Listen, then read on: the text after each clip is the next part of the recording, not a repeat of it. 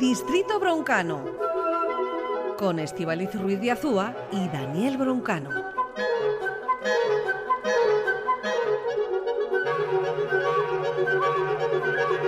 Nueva entrega de este espacio que en su día encargamos a un clarinetista y experto en músicas no yeyes, Daniel Broncano, ¿cómo estás? Muy bien. Oye, ¿qué es esto que a partir de ahora este espacio va a cambiar de nombre?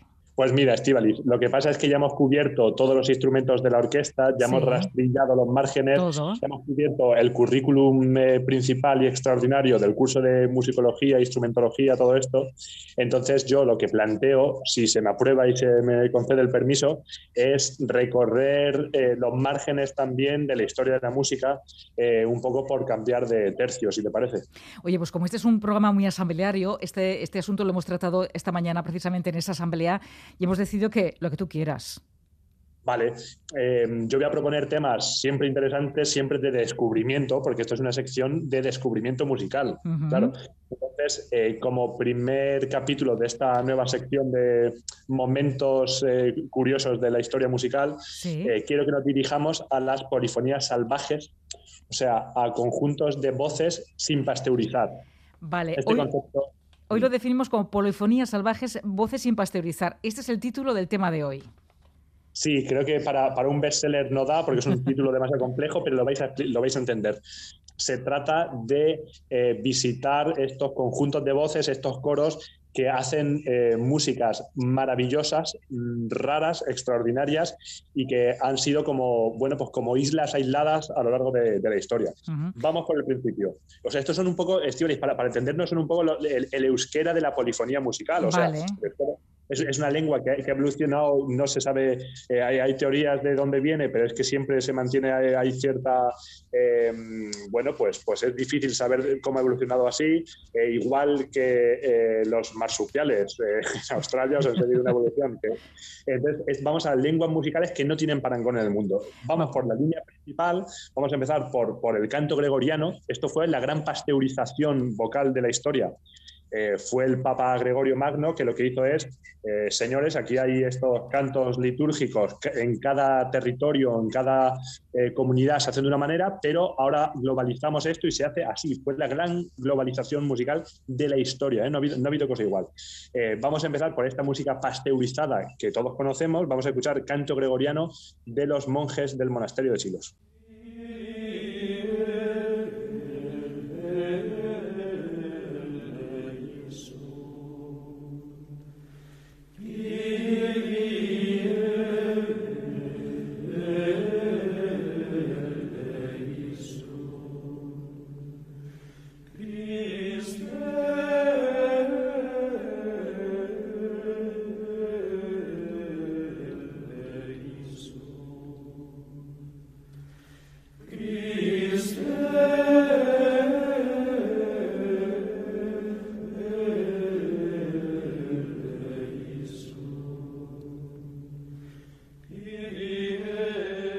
Este canto eh, gregoriano, eh, Daniel, es, digamos que casi casi igual a esos comienzos, esos, eh, ese siglo, no sé si estamos hablando del siglo VIII más o menos, del comienzo del canto gregoriano.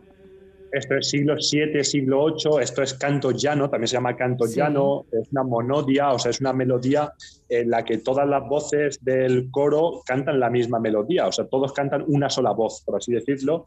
Este sonido limpio, pasteurizado, esta, esta pizza margarita. Esta pizza margarita la base. esta es la base, esta es la base. Un par de siglos después, claro, las, los ingredientes de la pizza se fueron eh, añadiendo muy poco a poco. Un par de siglos después apareció la música en Kiriadis. Esto había un tratado que se llamaba así, música en Kiriadis, donde se añadían voces paralelas. Esto quiere decir que todas se mueven como, como un banco de peces donde todos se mueven en la misma dirección, eh, siguen el mismo sentido de la música a distancia de una cuarta o de una quinta, o sea, cuatro notas aparte o cinco notas aparte. Esta música en Kiriadis, para ponerle sonido a esto, sonaría así.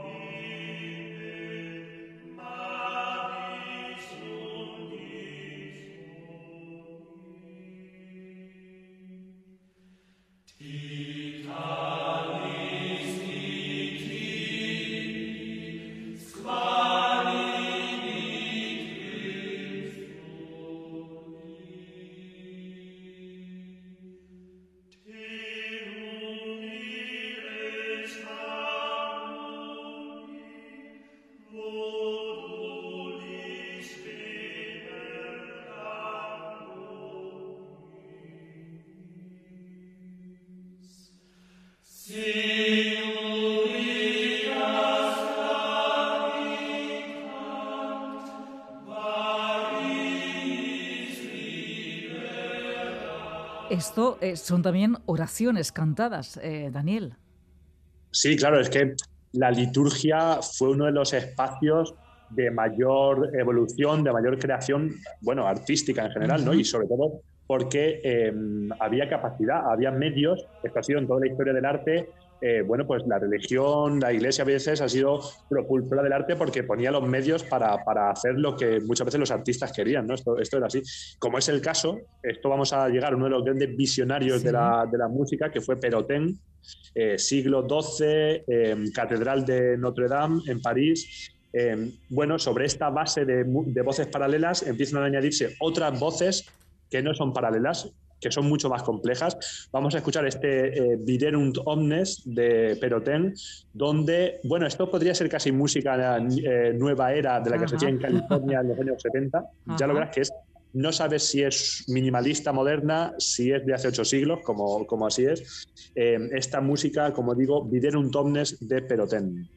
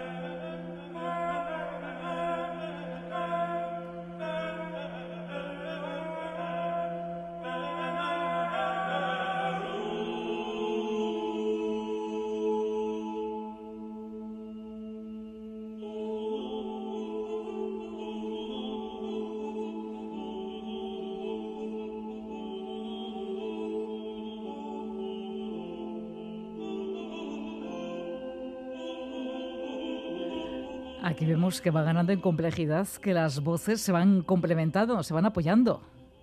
Sí, cada una se mueve un poco en un sentido, eh, hay una base y luego otras que se mueven, bueno, va ganando complejidad. Aquí todavía, eh, estamos un poco sí. en la línea de las músicas vocales pasteurizadas, porque todas estas son una evolución a partir del canto llano, del canto gregoriano. Sin embargo, había otros lugares del planeta en estos siglos donde se estaban dando unos cantos eh, sin pasteurizar, mmm, maravillosos, eh, que evolucionaron de su propia forma, como fue, por ejemplo, Bizancio. Eh, vamos a visitar eh, la, el Monte Athos en Grecia. Uh -huh. Sabes que están todos estos monasterios sí. maravillosos eh, que aparte son, tienen, bueno, mm, solo pueden visitar hombres porque se supone que es territorio de que, bueno, que, que, del que es soberano la Virgen María, tiene una, una cuestión aquí fabulosa con esto. Entonces, eh, vamos a escuchar estas eh, cantos de ultratumba, me parecen conmovedores, rarísimos, monjes del, del monasterio de Simonos Petras cantando este Agni Parcene.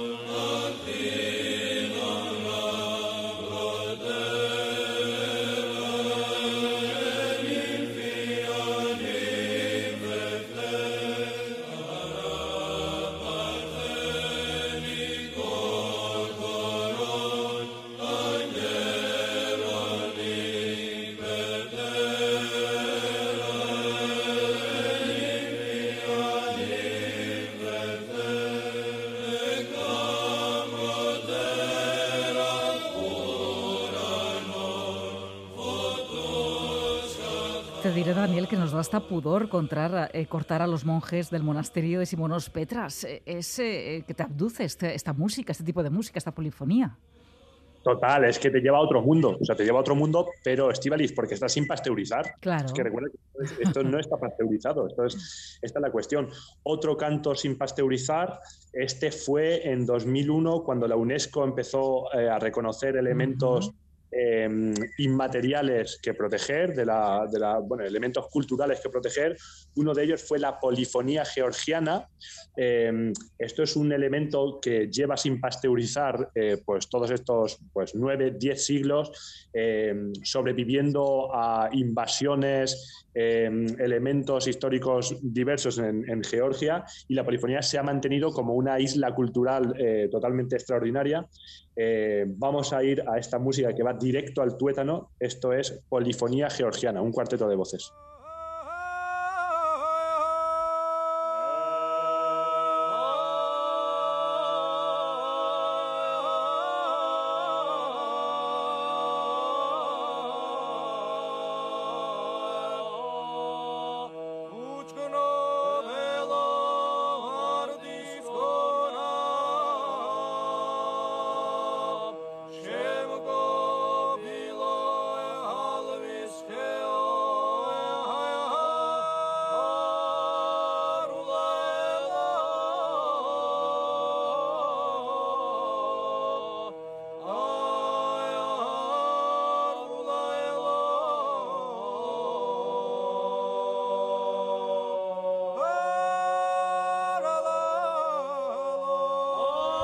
Son solo voces, son polifonías como las de cines salvajes, sin domesticar, sin pasteurizar.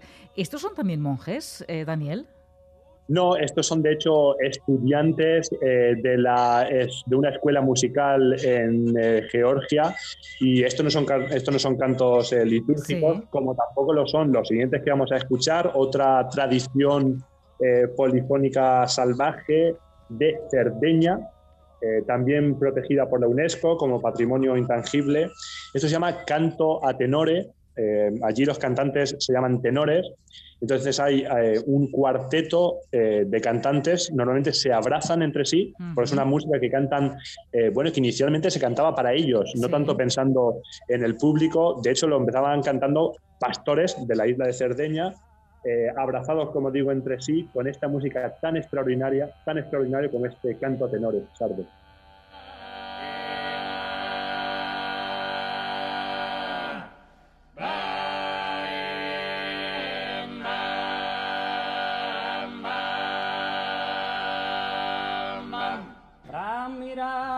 Cesare s'encara chi scritto gloriosa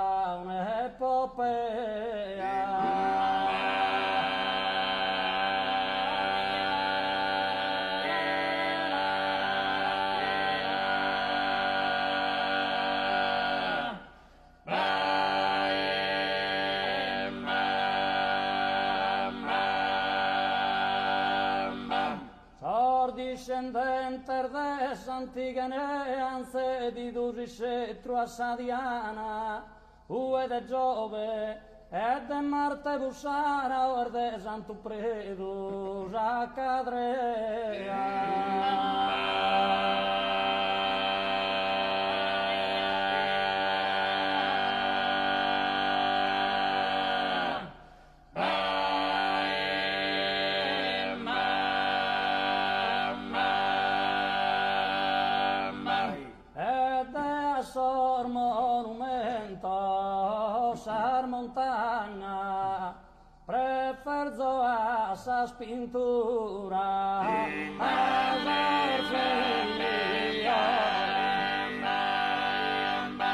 La verdad es que nos parecen músicas y sonidos, músicas no, voces tan absorbentes, eh, tan cautivadoras, eh, pastores de Cerdeña, eh, patrimonio intangible de la UNESCO.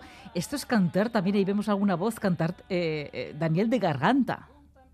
Total, o sea, tiene una técnica vocal pues muy única también eh, es muy única porque también ha habido esta especie de pasteurización o de globalización un poco del canto eh, que hace que, bueno, que históricamente pues muchas voces suenan igual. Pasa a veces con el estilo de ópera o pasa actualmente con eh, la música digitalizada artificialmente, autotune, ¿no? donde muchas voces suenan igual. Sin embargo, cuando escuchas estas otras islas que tienen otros preceptos, pues realmente es, hipnótico. ¿no? Pasa parecido, siguiente isla a la que viajamos, Bulgaria, eh, un coro muy famoso que se llama El Misterio de las Voces Búlgaras. Este es el nombre artístico, el nombre oficial es el Coro Femenino de la Radio Televisión Búlgara un coro que se empezó a hacer famoso en los años 80, que ha ganado algún Grammy. Bueno, otra polifonía salvaje, maravillosa, misterio de las voces búlgaras.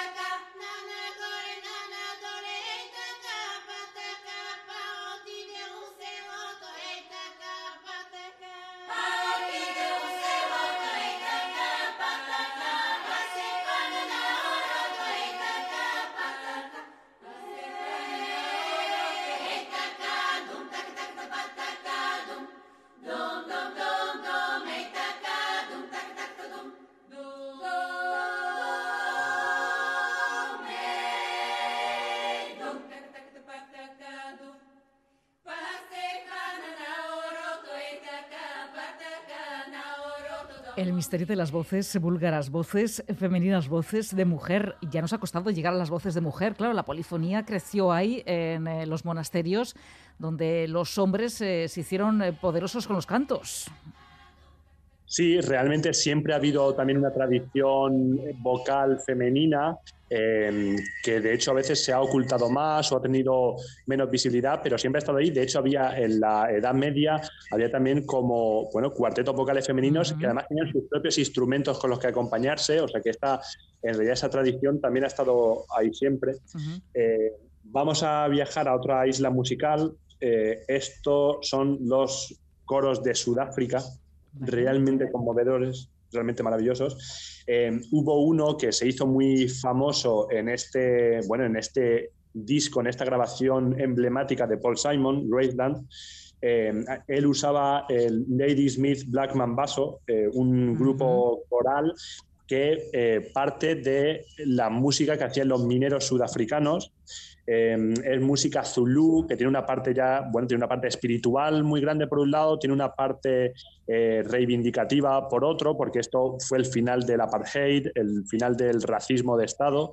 Em, y tiene, pues, como todas estas em, islas musicales que estamos visitando, bueno, pues van directas al tuétano, justo porque eh, no son músicas emperifolladas, no son voces que están manicuradas, eh, pero tienen la capacidad de conmover, de, llegar directo al tuétano, repito. Y bueno, pues maravilloso este Lady Smith Blackman Basso.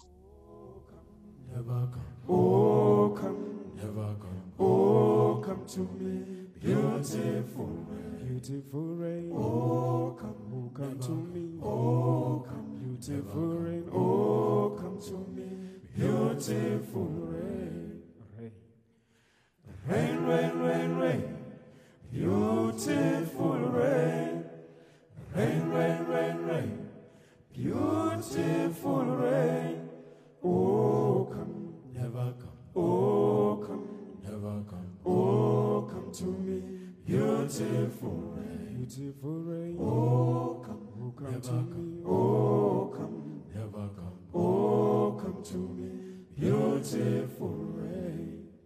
When the sun says goodnight to the mountains, I am dreaming of the sun. Say goodnight.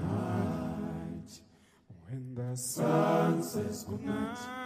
To the mountain, to the mountain. I am dreaming, I am dreaming the sunset. Good night.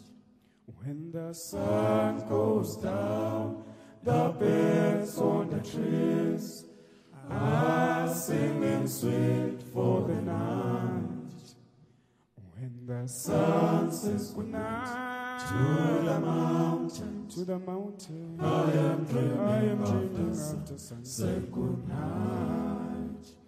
When the sun goes down, the birds on the trees Solo voz, voces eh, africanas, como nos decía Daniel, los conocemos por haber aparecido junto a Paul Simon a este grupo, voces eh, sudafricanas.